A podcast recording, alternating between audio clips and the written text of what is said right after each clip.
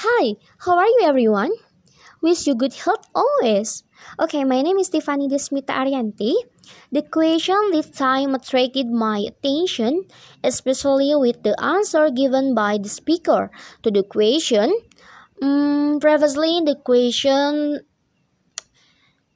this time was asked by Rani, namely, what is the role of civic education?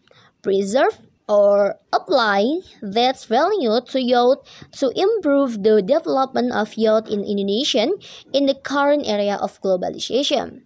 Okay, actually the presenter team was good enough to provide answer to this question, but in my opinion, the answer is just an introduction because the team of presenters didn't convey the main point being asked.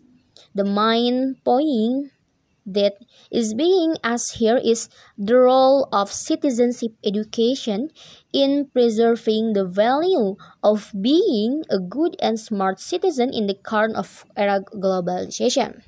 Okay. In my opinion, talking about the role of the citizenship education, we must first know that is the truth that the aim of citizenship education is to form citizens to become good and smart citizens.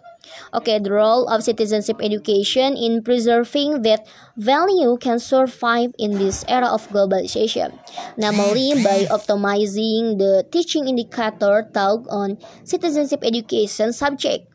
That why um, when teaching in citizenship education is given optimally to the younger generation in the world of education. It will become a realization of citizenship education teaching, as well as the role of citizenship education in providing democracy teaching to the younger generation as a sustainable manner.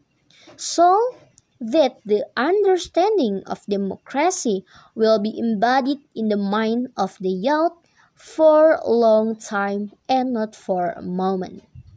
Okay, thank you.